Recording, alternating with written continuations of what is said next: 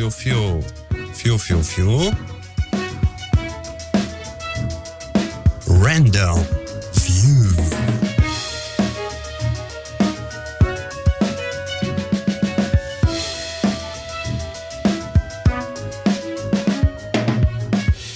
Witam w kolejnym odcinku Random View, podcastu poświęconego rozmowom z ciekawymi osobami i tym razem taki odcinek specjalny, archiwalny, retro można powiedzieć, bo poświęcony bezpieczeństwu Mac OS X w roku 2007.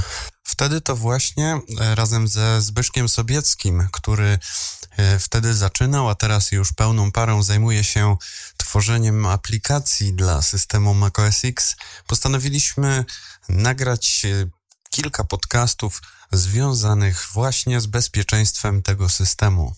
Pod względem formy podcast jest trochę przeciągnięty, również nie używaliśmy wtedy super najlepszego sprzętu. Ja korzystałem na przykład z mikrofonu PZM umieszczonego na łusce gryczanej owiniętej w kawałek materiału. Również sam mix pozostawia wiele do życzenia. Próbowałem wyciągnąć z niego to, co się da.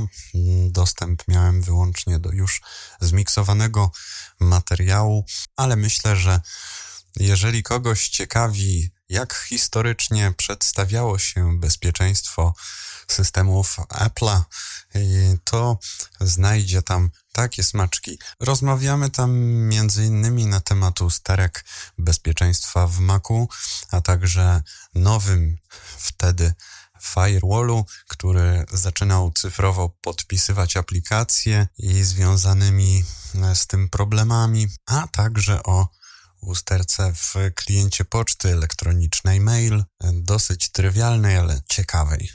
Zapraszam. Mówisz y, o rzeczach open source, y, masz też na swoim koncie dosyć sporo publikacji w tym temacie, a mimo wszystko z tego, co się orientuję, od dłuższego czasu jesteś użytkownikiem e, macOS Xa. E, dlaczego? E, każdy ma w swoim życiu pewien poziom load average i jak wiadomo, ten load average jest wyliczany w funkcji czasu, istnieje w funkcji czasu.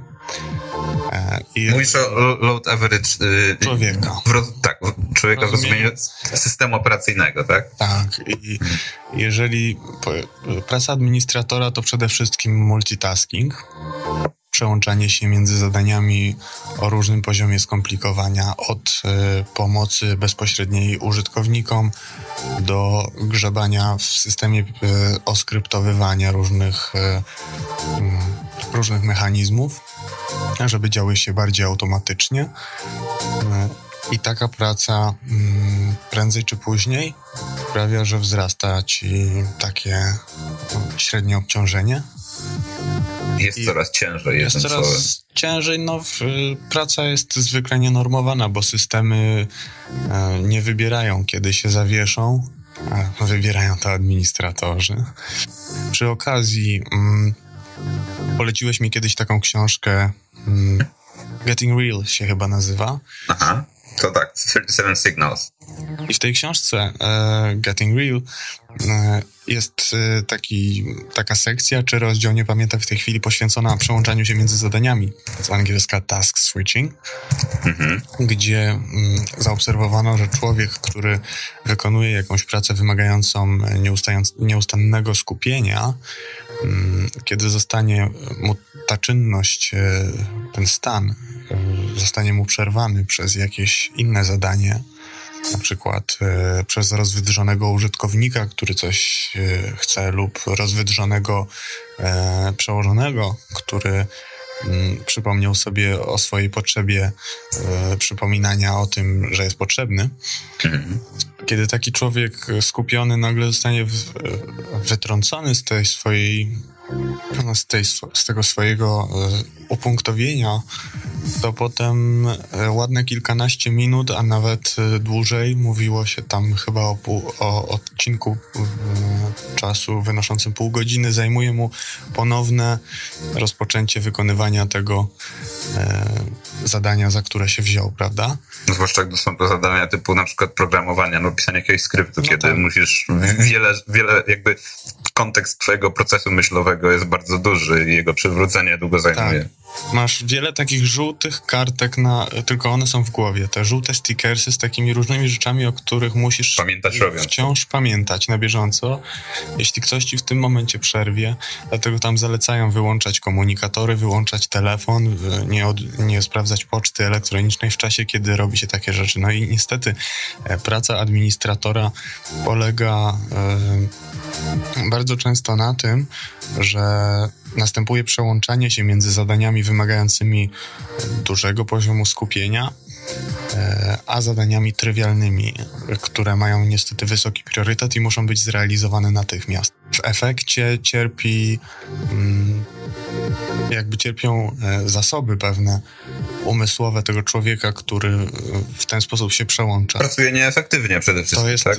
to jest na zewnętrznym poziomie, ale długotrwała. Taka praca też ma zgubny wpływ na to, e, jakby na, na jego samopoczucie po prostu, na jego, mm, na jego przeżywanie. Nie jest to, na pewno trudno powiedzieć, żeby to była praca wygodna. Dlatego mm, administrowanie systemami e, daje może pewną frajdę, ponieważ zarządzasz, jesteś odpowiedzialny, jesteś potrzebny.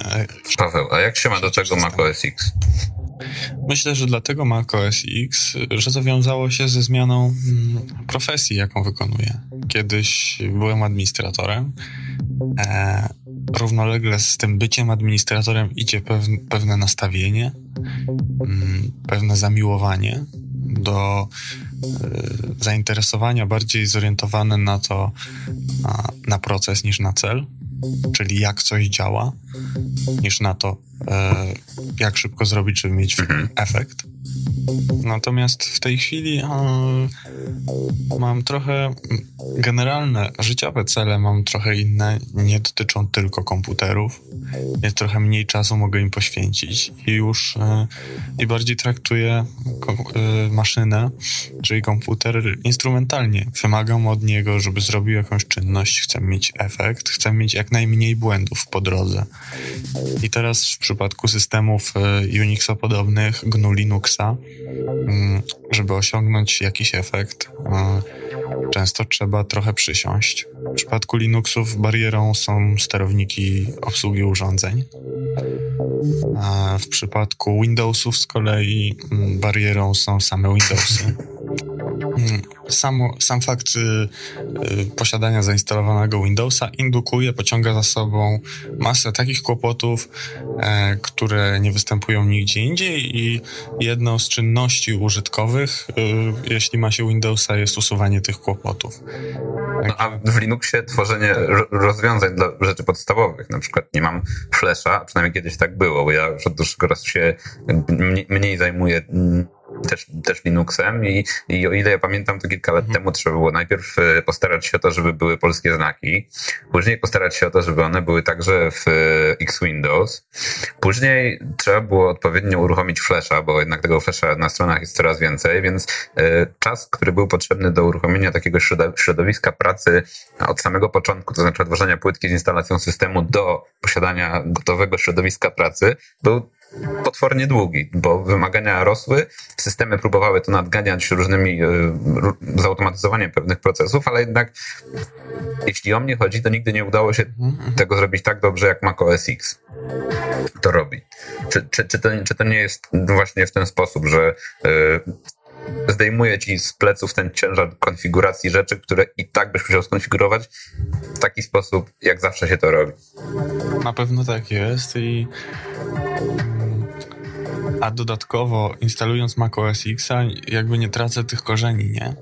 Też mam możliwość, ponieważ w, jeżeli przyjrzymy się mm, schematom, schematom systemu e, macOS X, to zobaczymy tam takie coś położone bardzo blisko jądra systemu, co się nazywa BSD Subsystem. E, to jest podsystem inkorporowany z systemów typu BSD. E, co tu dużo mówić, to jest po prostu Unix. Czyli krótko mówiąc, da się odpalić zwykłą konsolę i terminal na Macu. Dokładnie. Jeżeli czegoś nie mogę zrobić, to mogę zejść na taki poziom, na którym system staje się elastyczny. E, w ten sposób zaimplementowałem u siebie mm, na przykład mechanizmy wytwarzania kopii zapasowych, cyklicznych za pomocą rsynka i prostego skryptu napisanego w POSIXie, w shellu POSIXowym, w shellu Korna. Ciężko byłoby to pewnie zrobić w Windowsie. No, Musiałbyś zainstalować Cygwina, rsynka, rsynka i, I wiele tak takich rzeczy. Mhm. A o ile się orientuję, w Macu masz też system portów, więc, więc pakietów, które możesz sobie zbudować, y, jeśli chodzi o programowanie open source'owe. Y, Przypomina to bardzo, no dokładnie jest to to samo, co w systemach BSD, czyli program jest kompilowany, e, a potem instalowany. Czy dla użytkowników systemów GNU Linux to bardzo przypomina Gentoo dystrybucję. Mhm. Czyli podsumowując, y, w Linuxie jest tak, że żeby coś osiągnąć, trzeba zrobić pewne rzeczy. W Windowsie, żeby coś osiągnąć, pewne rzeczy po prostu nie da się zrobić, e, bądź jest to naprawdę bardzo trudne. A w Macu można i jest to w zasadzie taki, taka chyba takie zgrabne połączenie tego działającego i funkcjonalnego GUI, interfejsu użytkownika, działającego natychmiast po instalacji systemu, z tym, z tymi możliwościami Linuxa. Bo z tego co wiem, ja tak miałem i wielu moich znajomych, że posiadanie Maca to tak jak byłoby, tak jak, tak jakbym posiadał dwa systemy. Mam GUI, mam przeglądarkę i mogę na niej coś robić. Mam jednocześnie ten podsystem BSD, te, te wszystkie warstwy systemu POSIXowego, który umożliwia mi uruchomienie bez problemu oprogramowania, do którego uruchomienia normalnie musiałbym mieć maszynę Linuxową albo VMware'a bądź y, uruchomione w Parallelsach y, uruchomioną wirtualną maszynę. Mhm, mhm. Oczywiście ma to plusy i ma to e, minusy. Minusy są zwykle związane z, e, z security. E, Pierwsze t- takie minusy tego e, modelu e, tych przyjętych warstw, czyli podsystemu BSD, mm, to jeszcze to są początki Tigera, a nawet wcześniej poprzedniego systemu. To przypomnijmy, pierwszą, pi- pierwszym, e, pierwszym wydaniem e, Maca e, 10, czyli tego Maca, który był bazowany na Unixie, to była Pantera, czy było coś jeszcze wcześniej? No, wiesz co, ja zaczynałem od Tigera, ty zdaje się zaczynałeś od Pantery, z tego co pamiętam. No nie, nie ja, te, ja też od Tigera, ale pamiętam, że była jeszcze Pantera. Nie wiem, co było wcześniej, bo ta fala do mnie nie dotarła. Ale okej, załóżmy, że, y, załóżmy, że, że, że od, tak czy inaczej od niedawna e, Mac OS X stosunkowo od niedawna, jeśli chodzi o całą historię Maca, jest bazowany na Unixie. E, I właśnie chciałem Ciebie o to zapytać, bo ja od dłuższego czasu e, nie zajmuję się już bezpieczeństwem, nie śledzę takich list e, jak Backtrack i, i, i miejsc, gdzie się raportuje różnego rodzaju bugi i, i exploity. E, o ile pamiętam, to zawsze było bardzo mało tego powiedzmy sobie, towaru na Maca. Zawsze było dużo exploitów i, i różnych bugów na Linuxa, na, nawet na Windowsa było całkiem sporo, natomiast na Maca praktycznie jeszcze kilka lat temu się nie zdarzały. Czy, czy tak jest dziś? Mm, Jest duży przyrost e, różnego rodzaju e, błędów w Macu. Myślę, że to wynika z e, tego, że e, kultura ludzi, którzy wychowali się na Unixach, tak jak ty czy ja, czy nasi znajomi, zaczyna, mm, zaczyna dłubać w Macintoshach po prostu. Wcześniej y, Maki były używane przez użytkowników domowych w Stanach Zjednoczonych i przez y, artystów, grafików, e, przez muzyków, mm, przez pisarzy, jeśli chodzi o zastosowania profesjonalne. Natomiast w momencie, kiedy e, Mac zaczął łączyć zalety wygodnego systemu, wygodnego środowiska pod względem ergonomii pracy, a jednocześnie e, dołożył warstwę niskopoziomową, bardzo elastyczną dla tych, którzy chcą więcej. W tym momencie e, entuzjaści zaczęli przekonywać się powoli do tego. Myślę, że, mm, że można mieć taki system. Entuzjaści potrzebowali kilku lat, po pierwsze, żeby dorosnąć do, do takiego wieku, w którym komputery to nie wszystko, a potem, żeby zobaczyć, że to jednak nie jest chwilowy chwit marketingowy firmy Apple, tylko że rzeczywiście ta inkorporowana warstwa BSD jest pewną trampoliną, która nie tylko pozwoliła Macintoshowi wyprzedzić, mm, czy wyprzedzić Windowsy, które rządziły przez kilka lat, kilkanaście, e, ale również e, bo chodziło tu o pewien Kickstart, inkorporując wiele rzeczy z, e, z free software i open source, e, jakby programiści, deweloperzy mm, OS Xa nie musieli wymyślać od początku koła, prawda?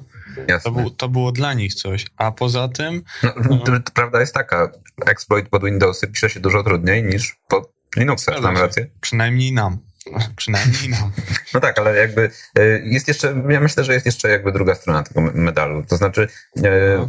Maca bardzo rzadko spotyka się na serwerach. Z reguły, jeśli ktoś szuka takiego miejsca, gdzie mógłby włożyć ten wytrych i napisać e, malware albo software, który może się rozprzestrzeniać, może otrzymywać uprawnienia administratora, to raczej szuka takich systemów, w których po pierwsze jest wiele i tak, tak jak powiedziałeś, tutaj jest istotna kwestia popularności Maca, a po drugie, które są instalowane na serwerach. Jednak udział w rynku y, X-Serva, czyli wersji serwerowej Maca, y, jest niewielki, znikomy, więc nie bardzo jest co atakować, o ile nie masz Maca na desktopie, tak?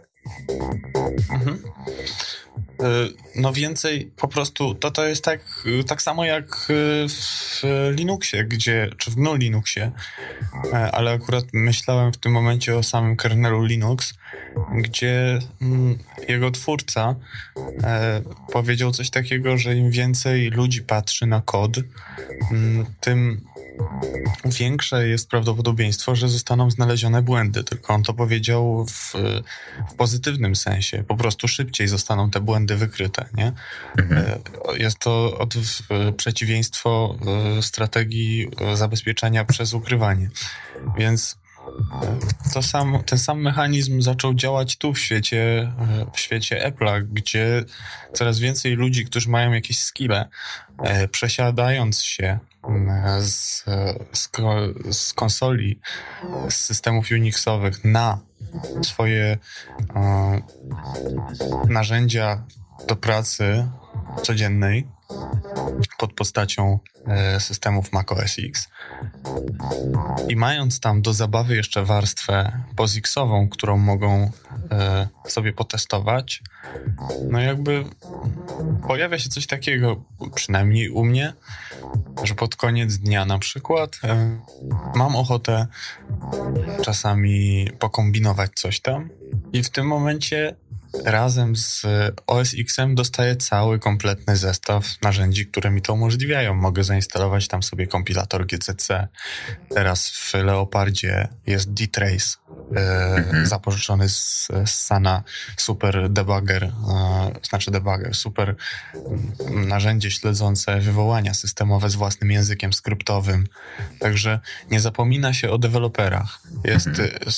zauważ, że Mac, e, że Apple próbuje wytworzyć takie community deweloperskie, organizuje konferencje e, cykliczne, gdzie można się dowiedzieć o nowinkach, można potestować wersję beta, można mm, też współtworzyć pewne komponenty, które potem będą w oficjalnych wydaniach. Także mm, jest tu, to jest drugie echo tego boomu, bo Apple miał swój boom w Stanach Zjednoczonych. Kiedyś, e, tylko to był boom wśród użytkowników e, wśród domowych odbiorców, prawda? E, tak, to było jeszcze dawno temu, kiedy oni przodowali, kiedy, kiedy... Tak, kiedy, dokładnie. Tak. Mhm. Była taka fascynacja, takie prawdziwe meetingi e, Apple'owe i tak dalej. Teraz jest jakby echo tego. E, kiedy jeszcze o Windowsie nikt tak naprawdę nie słyszał, prawda? Mhm, dokładnie. Jeszcze nie zdążyli na przykład ukraść komuś pomysłu na to, że, żeby wyświetlać informacje w formie okien i tak dalej, i tak dalej. Który to zresztą Mac ukradł z Xeroxa. No tak. E, dobrze, a czyli teraz mówisz, że jest trochę więcej tych bugów, tak? Bo tak no bo jest więcej ludzi, którzy patrzą i którzy wiedzą, w które miejsca patrzeć. Ale to też nie jest tak, że co miesiąc wychodzi nowy bug na SendMaila, tak jak, tak jak kiedyś. No, no nie, nie jest tak. Chociaż te bugi są tak trywialne, że się nie chce czasami wierzyć i, i, i są najczęściej na przykład... Por... Trywialne do znalezienia, tak? Mhm. E, niektóre są by design. z ciekawych bugów to niektóre istnieją po dziś dzień, i, a powstały bardzo, bardzo wcześnie na samych początkach OS X-ów, czyli włączania. Właściwie dodanie podsystemu BSD stwarza już pewien bug. E, ponieważ... No właśnie, bo z tego co widziałem na Heise Online, tam gdzie publikujesz e, swoje felietony, artykuły. Widziałem, że ostatnio bardzo mocno maglujesz ten temat i udało ci się znaleźć kilka bugów. Może powiesz coś więcej? Znaczy, ja ich nie znalazłem, znalazła je społeczność, ja je opisałem. Moich pomysłów w tym jest mało, jest trochę mojej realizacji i testów na pewno. E, Jürgen Schmidt e, z Heise Online w Niemczech znalazł, można powiedzieć, zainspirowany też dyskusjami, że coś nie działa na forach, zaczął się przyglądać firewallowi w Leopardzie. Okazało się, że firewall w Leopardzie mm, no, po prostym teście e, wykonanym za pomocą e, skanera Nmap e, i narzędzia Netcat nie radzi sobie z pewnymi rzeczami. Jurgen zaczął to testować. Można powiedzieć, że on odkrył pewne błędy, na które ludzie narzekali, ale nie wiedzieli, jak je nazwać. E, następnie w konsekwencji ja też dokładam coś od siebie. To, to wygląda tak, że, że tutaj autorstwo jest trochę rozmyte, jeśli chodzi o pewne usterki. E, to, co mi, na co mi się udało wpaść e, ostatnio, to, było, to był powód, to, to był. Mm, to była analiza, w jaki sposób poprawiono firewalla. A, a zaczęło się to tak z tym firewallem, że Apple zrezygnował z pomysłu firewalla polegającego na filtrze pakietowym, zresztą y, obecnym w podsystemie BSD i PFW2 i zastąpił. E, kiedyś było tak, że widząc na ekranie e, zestaw usług, mogłeś usługę odblokować. I jej odblokowywanie sieciowe polegało na tym, że po prostu pewien port stawał się dostępny, a reszta była zamknięta. Mhm. Natomiast w, tak było w Tigerze jeszcze. Natomiast w Leopardzie zrezygnowano z używania filtra e, pochodzącego z BSD i zastosowano e, filtr na poziomie mm, API sieciowego bardzo blisko gniazd.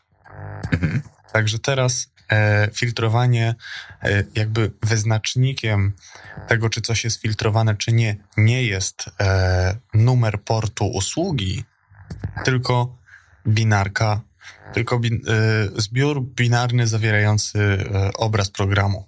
Czyli w gruncie rzeczy jest tak jak w wielu firewallach Windowsowych, które są e, tak naprawdę na warstwie powiedzmy aplikacyjnej działają, chociaż nie chodzi tutaj o filtrowanie warstwy sieciowej aplikacyjnej, a natomiast są przyczepione do, do, do binarki, to znaczy, że wyskakuje w pewnym momencie okienko, czy chcesz umożliwić Skype'owi łączenie się w ten i ten sposób. Tak? Dokładnie. Tak, mhm. tak to wygląda.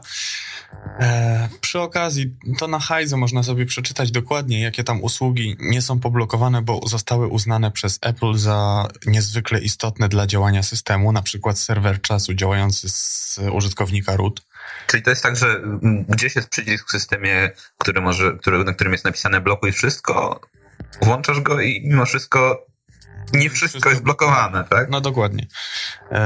I teraz były wątpliwości, dlaczego, y, co decyduje o tym, że usługi są blokowane, a co, że nie i tak dalej. Dopóki niedawno, właśnie dopóki i niedawno ukazała się dokumentacja do Firewalla w Leopardzie, mm, gdzie producent tłumaczy się dokładnie z, y, ze sposobu, w jaki mm, wybierał. Wybiera i co jest ważne i tak dalej. Wychodzi tam na to, że głównym mechanizmem zabezpieczającym jest tu cyfrowe podpisywanie aplikacji. Po tym system poznaje, że mhm. aplikacja e, jest e, dalej tą aplikacją. To jest pierwszy krok w ogóle, bo po pierwsze należy, mm, zanim zaczniemy blokować albo odblokowywać, to musimy mieć jakiś sposób na to, żeby taki plik poznać, mhm. czy ktoś go nie zmienił i tak dalej. Oczywiście wyliczać sumę kontrolną i ją pamiętać to jeszcze nie wystarczy, ponieważ y, można wytworzyć plik, który będzie miał tą samą sumę kontrolną, a będzie robił zupełnie co innego. Więc zastosowano prosty mechanizm podpisywania cyfrowego. No, można powiedzieć prosty, ale niełatwy, y, jeżeli byśmy chcieli sami to napisać. Firewall w y, Apple działa, jakby respektuje dwa, dwa typy podpisów cyfrowych. Pierwszy to jest y, podpis cyfrowy złożony przez producenta, poświadczony, znaczy podpis cyfrowy poświadczony certyfikatem producenta. certyfikatem e, producenta, a drugi to jest y, podpis y, cyfrowy złożony przez użytkownika, czy przez system w imieniu użytkownika. To znaczy, kiedy użytkownik klika zezwalając na jakąś akcję, jakaś... jest podpisywana binarka tej aplikacji, Dokładnie. tak? W ten sposób. Jeśli nie ma jeszcze podpisów w binarce, to pojawia się mm, to, żeby firewall mógł ją w przyszłości rozpoznawać, to on jej nadaje takie znamie. Czyli jest też tak, że jeśli e, producent podpisze, to e, producent, czyli nie znaczy Apple, tak, tylko być może jakaś inna firma podpisze to swoim certyfikatem, to wtedy użytkownik w ogóle nie zostanie zapytany o to, czy pozwala tej aplikacji się łączyć, czy i ona będzie mogła to robić nie, automatycznie, czy, czy, mm. czy nie. System nie jest do końca jasne. Y, taka jest, y, takie stanowisko. Mhm. Nie jest do końca jasne, co właśnie z aplikacjami podpisanymi nie wiadomo czym. Mhm. Możemy to potestować, to jest ciekawy temat. E, natomiast generalnie są, jest wyraźny podział, nie wiedzieć czemu, znaczy można się domyśleć czemu, ale jest wyraźny podział na aplikacje wszechmogące w cudzysłowie i aplikacje e, doinstalowane. Aplikacje wszechmogące to wszystkie te, które przyszły do nas na płytce instalacyjnej lub też ściągnęliśmy je z, e, z serwera Apple'a. Taka aplikacja, kiedy zaczyna słuchać na sieci, momentalnie w, przywoływane jest e, API Firewalla nowe, i teraz e, sprawdzane jest, że, ist, że ta binarka, która chce wywołać funkcję listen, e, wyposażona jest w taki podpis cyfrowy, poświadczony przez zaufany urząd, czyli przez producenta i momentalnie uzyskuje dostęp do, do tego wywołania systemowego. Użytkownik nie jest w ogóle pytany o zgodę lub jej brak. Czyli prawda jest taka, że jeśli okazałoby się, że w standardowej instalacji Leoparda, na przykład w serwerze czasu NTP, e, NTPD, tak, jest dziura, e, to instalując system z płytki bez update'ów i włączając w firewallu opcję blokuj wszystko i tak jesteśmy podatni na atak na ten serwer NTP, który chodzi z użytkownika administratora, tak, tak? Tak było, dopóki Apple nie wydał tego, tego pierwszego update'u. Mhm. E, I zaktualizowany został NTPD, czy firewall. Nie, no bo z, z Applem jest taki kłopot, że on używa projektów open source'owych czy free software'owych i tworzy własne brancze, gałęzie tych mhm. kodów. I nie wiadomo, kiedy dokładnie są backportowane fixy, czyli kiedy dokładnie na przykład wersja serwera czasu Apple różni się o dwa małe numerki od wersji oficjalnej, w której załatano parę drobniejszych usterek ale my nie wiemy tak naprawdę, czy, czy Apple nie załatał też swojego serwera czasu, tylko że prowadzi własne, własną, numero, własną numerację wprowadza i, i najprawdopodobniej tak właśnie jest. Także mm, o numerach wersji nie można za dużo mówić, e, to znaczy nie są one dobrym e, jakby punktem odniesienia, ponieważ wersje Apple'owe, numery wersji Apple'owych zupełnie są nieporównywalne do, do wersji oryginalnych, jeśli chodzi o projekty inkorporowane ze świata free software i open source. Mhm. A jak myślisz, czy właśnie przez to, że e, Apple korzysta z e, oprogramowania open source'owego, którego źródło jest powszechnie dostępne i łatwiej znaleźć błąd w tym oprogramowaniu, to to jednak to oprogramowanie Apple'a korzystające z tych projektów jest bezpieczniejsze, czy wręcz przeciwnie? Oj, to można by długo debatować. Trzeba by przeprowadzić badania statystyczne, jak to jest. Ale mi się wydaje, że coraz częściej, odkąd pojawiły się takie firmy jak CoSync czy inne, czyli profesjonaliści zajmujący się pobieraniem w cudzysłowie haraczy za znalezione błędy od naprawdę dużych firm, to coraz, coraz bardziej zaciera się ta granica między bezpieczeństwem open source a komercyjnym tak, projektami. Wykrywalnością tak? błędów w open source i wykrywalnością błędów w zamkniętych kodach. Kiedyś było tak, że w open source było bardzo, bardzo dużo błędów. Od razu pojawiła się luka w rynku. Ta luka to było zamknięte oprogramowanie jeżeli pojawia się jakaś rynkowa luka, to zaraz znajdą się ludzie, którzy chcą tą lukę wypełnić i pojawiły się specjalizowane firmy audytorskie, robią audyty kodu, zatrudniają ludzi i także myślę, że tutaj coraz bardziej te dwie rzeczy się, te, te dwa światy, jeśli chodzi o wykrywalność błędów, e, te statystyki się zbliżają do siebie. Te Jasne. staty. A czy możesz coś powiedzieć jeszcze, bo widziałem, e, nie czytałem, prawda, nie, nie zdążyłem, e, informacji o jakimś bugu w mailu, czyli w, w nowej wersji, w Leopardzie, w nowej wersji programu pocztowego. I to wyglądało dosyć niebezpiecznie. O co chodzi? Ale jeszcze ciekawa sprawa związana z, z firewallem. Tu znowu e, pojawia się elastyczność związana z podsystemem BSD. Mianowicie, mimo że Apple w nowym wydaniu firewalla obecnym w Leopardzie rezygnuje z e, filtra pakietowego IPFW2, to po prostu rezygnuje go, z niego w taki sposób, że nie pojawia się on więcej w panelu, e, w, w preferencjach ale dalej mamy do niego dostęp i są narzędzia, na przykład Waterroof graficzne, które umożliwiają nam, jeżeli mamy trochę czasu wolnego i żeby poświęcić go na nauczenie się regułek firewalla, możemy sobie sami stworzyć skuteczny filtr pakietów. Czyli, czyli, on, czyli on jest cały czas włączony w kernelu, On tak jest cały naprawdę. czas włączony. Póki co tylko jedna opcja, opcja stealth, taka, ukrywania systemu, korzysta dalej z IPFW2. Resztę opcji e, klikalnych w, tam w opcjach zabezpieczeń, w, w preferencjach, w ochrona, tak się to po polsku nazywa, korzysta już z tego mm, firewalla, który jest bliżej aplikacji. I IPFW to jest e, IPFW2, o którym mówisz, to jest dokładnie ten firewall, który funkcjonuje cały czas w FreeBSD, czy jeszcze w którymś systemie? Dokładnie, to jest podsystem IPFW2, narzędzie, którego można użyć. Wiesz, ja nie używałem za dużo y, systemów typu BSD, Mhm. bardziej IP tablesy wcześniej, y, chociaż one są bardzo podobne. Także przełączenie się to jest y, pół, pół dnia, żeby wyprodukować y, całkiem konkretną listę reguł. Jeżeli ktoś umie IP tablesy czy IP chainsy, zna z Linuxa, to przełączenie myślenia na IPFW2 i na narzędzie y, IPFW to jest To w głównej mierze kwestia składni, prawda?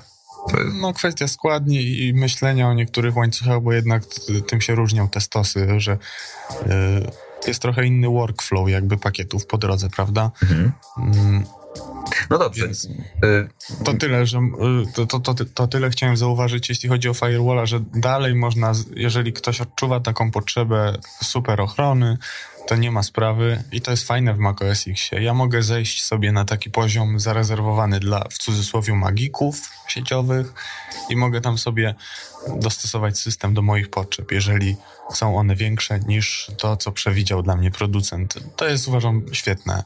Użytkownik domowy ma prostotę, użytkownik zaawansowany ma elastyczność i jest to pewien kompromis, którego nie widzę w żadnym innym komercyjnym systemie operacyjnym. I wracając do maila, luka jest banalna, ponieważ w, e, w systemach e, OS X e, funkcjonuje coś takiego jak gałąź zasobów, tak? co to jest? Jeżeli otworzysz sobie dowolną aplikację, to jest plik z rozszerzeniem app, to zobaczysz tam podkatalog resources. Także nawiążę tutaj do, do plików res z Windowsa, które można włączać do binarek. W tych plikach są ikony na przykład, tłumaczenia na inne języki, takie lokale, prawda? Mhm. To jest wszystko coś, co jest związane z e, działaniem aplikacji, zasoby jej potrzebne, można to nazwać tak. O, w systemach Mac OS już były na poziomie systemu plików realizowane takie kontenery na zasoby dla aplikacji. Było to możliwe dzięki temu, że tam system plików HFS, potem HFS Plus mm, obsługiwał takie cuda jak plik i skojarzony z nim kontener z zasobami. Mhm. Taki fork, to się mówi resources fork. Mhm. I potem e, okazało się, że są pewne kłopoty z, z przenoszeniem tych aplikacji między systemami, bo przecież tutaj to jest w ramach systemu plików, to tak jak rozszerzone atrybuty, prawda? FTP-em e, trudno to przenosić, więc, więc e, odchodzi się od pomysłu używania systemu plików do trzymania takiej bazy przy każdym zbiorze i po prostu pakuje się to w podkatalog. Ale program Apple Mail od dawna obsługiwał e, taki typ mime, który pozwala upakować i zbiór, i towarzyszący mu e, pomocniczy jakby e, pomocniczy kontener zasobów, tych resursów. Czyli na przykład możemy mieć program i pomocniczy katalog, katalog pomocniczy kontener resursów zawierający ikony używane przez ten program, prawda? Błąd w mailu, on był już wcześniej, polegał na tym, że można było spreparować taki załącznik do maila, który miał na przykład y, jakąś ikonę lub jakiś plik graficzny z rozszerzeniem JPEG i dołączyć do niego kontener z zasobami. I w tym kontenerze z zasobami, między innymi, mm, można powiedzieć o tym, co jest handlerem dla danego typu pliku. Na przykład możemy stworzyć plik z rozszerzeniem XXX i stworzyć mu kontener z, te, e, z zasobami, czyli ten resource fork, tą gałąź zasobów. Mhm. I w niej możemy zaszyć instrukcję, że plik XXX otwiera aplikacja terminal na przykład. Mhm. Możemy następnie wziąć i tą aplikację ładnie wysłać komuś za pomocą Apple Mail. I też jest stanie, jak osoba otworzy ją za pomocą tego programu. No ten, ten, błąd był kiedyś, został załatany, teraz w Leopardzie się ujawnił, bo prawdopodobnie do, e, jakiś deweloper zapomniał, czy deweloperzy zapomnieli mm, z powrotem włączyć tą łatkę. Wygląda to tak, że zamiast wyświetlać obrazek, po pierwsze pojawia się ikonka, którą można kliknąć, to już powinno wzbudzić jakieś e, wątpliwości u użytkownika. Jeśli nie wzbudzi, on kliknie w tą ikonkę, w tym momencie wykonywana jest domyślna akcja otwarcia tego zbioru przy pomocy aplikacji, przy pomocy aplikacji podanej w tej gałęzi zasobów, prawda? Mhm. W tym kontenerze. To zabawne, bo żaden taki błąd, który na przykład tak jak w Windowsach czy w Explorerze e, często się pojawiały błędy, że w jakiś sposób plikiem JPG można było przesłać shellcode i uruchomić jakąś instrukcję, a tutaj proszę, wystarczy przesłać skrypt i odpowiednio powiedzieć mailowi, żeby go uruchomił. No, to... Jakie to łatwe jest. Przenośność znowu się objawia tego systemu. Błąd Erypina sprzed 10 lat. Nie trzeba umieć assemblera, nie trzeba szukać y, buffer overflowów. Przyjemne z pożytecznym. No, można połączyć i mamy exploita napisanego w shellu. Czy to, czy to już zostało poprawione? Czy jest jakiś statement? Wiesz co? E, już ci e, Zbyszku mówię. To zostało poprawione. Klikam właśnie uaktualnienia. I teraz pojawia mi się okienko, sprawdzam dostępność. Oczywiście nie ja sprawdzam, tylko ona. Mój laptop jest płci żeńskiej.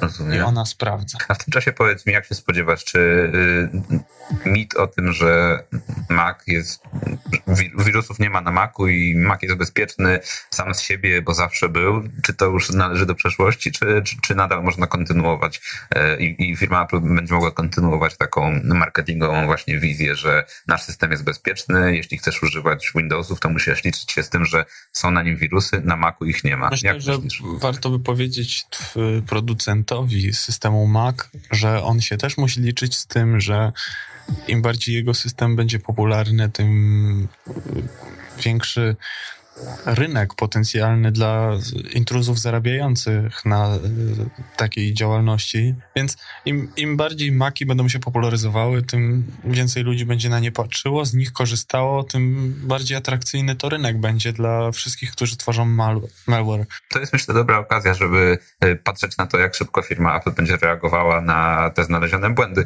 Y, czy pamiętasz może, ile zajęło załatanie tej dziury z firewallem? Bo ona już zdaje się jest poprawiona, to, prawda? To było, nie powiedziałbym, że to była dziura, bo nie widać było, żeby ktoś zrobił. No, nie był to też feature. Naprawdę. No, to był taki, taka niespodzianka, powiedzmy. To zajęło 2,5 tygodnia. e, załatanie, przy czym załatano to w taki sposób trochę no w jaki się łata. Zobacz, tam siedzą programiści, oni mają swoje procesy, także to nie jest y, grupa zapaleńców, która poprawia coś w dwa dni, a resztę a tydzień poświęca na to, żeby zrobić coś o wiele lepszego niż było wcześniej. Oni po prostu zastosowali obejścia. Na przykład mm, był taki kłopot ze z aplikacją Skype, y, że Firewall próbował podpisywać jej, jej binarkę tym kluczem użytkownika, nazwijmy to, czy systemu. I podpisując ją, zmieniał jej sumę kontrolną całego zbioru. On to robił zgodnie z zasadami przyjętej sztuki, bo podpisywał we właściwe miejsce, pakował ten podpis cyfrowy. Jednak Skype jest aplikacją, e, na wielu konferencjach o tym się mówi, zaobfuskowaną, tak? Mhm. Trudno jest ją debugować. Ona sama siebie ciągle sprawdza Między innymi sprawdza to, czy ktoś nie zmienił spójności, a podpisywanie cyfrowe niestety mm, ma wpływ na sumę kontrolną całego zbioru, czy na skrót kryptograficzny. Wobec tego, gdy tylko Firewall podpisał takiego Skype'a, to momentalnie sam Skype nie chciał startować, bo uważał swój obraz programu za zmodyfikowany przez intruza potencjalnego obejście zastosowano, bo nie rozwiązanie problemu, używając terminologii ITIL. Zastosowane obejście polega na tym, że dla niektórych ścieżek systemowych firewall nie próbuje podpisywać, a w zamian pyta za każdym uruchomieniem aplikacji o to, czy pozwalać na przychodzące połączenia, czy pozwalać na przychodzące połączenia. Czy to znaczy, że jeśli, czy to znaczy, że jeśli niebezpieczne... Czy pozwalać na przychodzące, bo widzisz, jakie to jest miłe w odbiorze. Tak właśnie to Wygląda dialog z systemem. Rozumiem. E, czy, czy to znaczy, że jeśli... Czy pozwalać na przechodzące połączenie. czy to znaczy, że jeśli niebezpieczną aplikację zainstalowałbym w miejscu tam, gdzie teoretycznie powinien być Skype, którego nie podpisujemy, bo jest przecież bezpieczny, to dałoby się ją odpalić bez sprawdzania sumy kontrolnej i weryfikacji, czy system wie, że ona jest bezpieczna?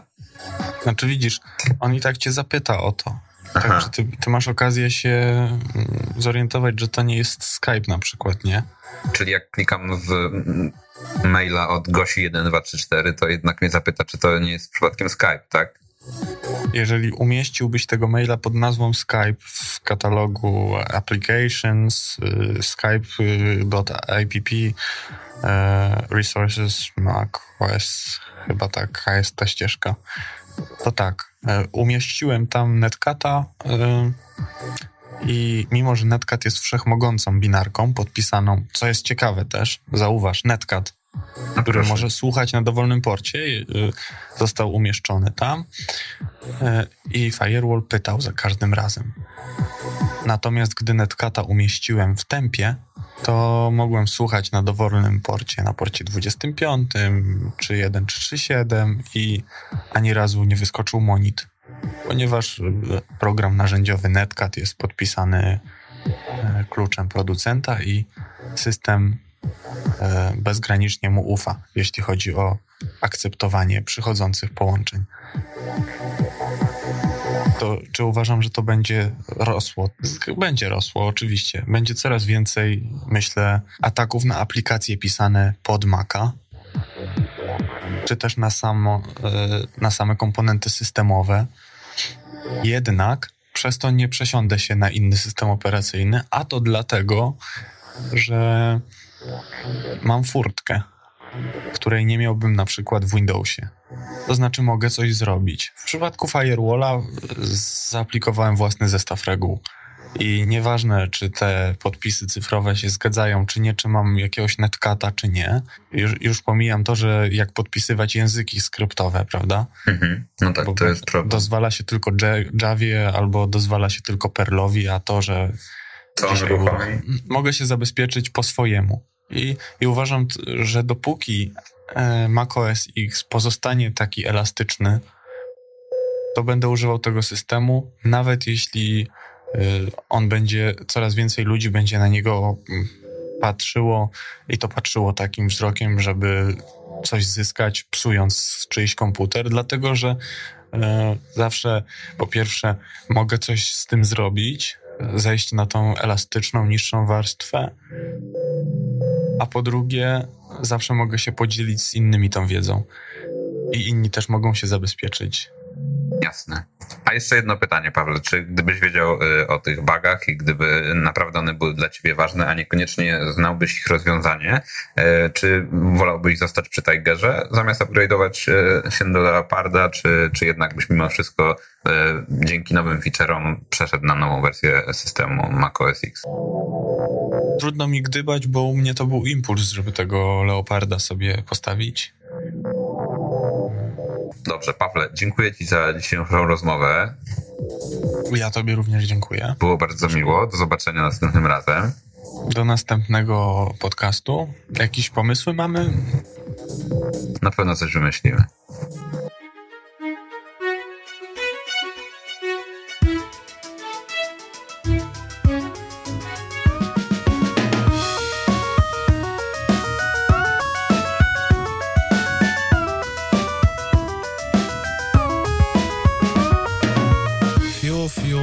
Fiu, fiu. Fiu, fiu, fiu. Random.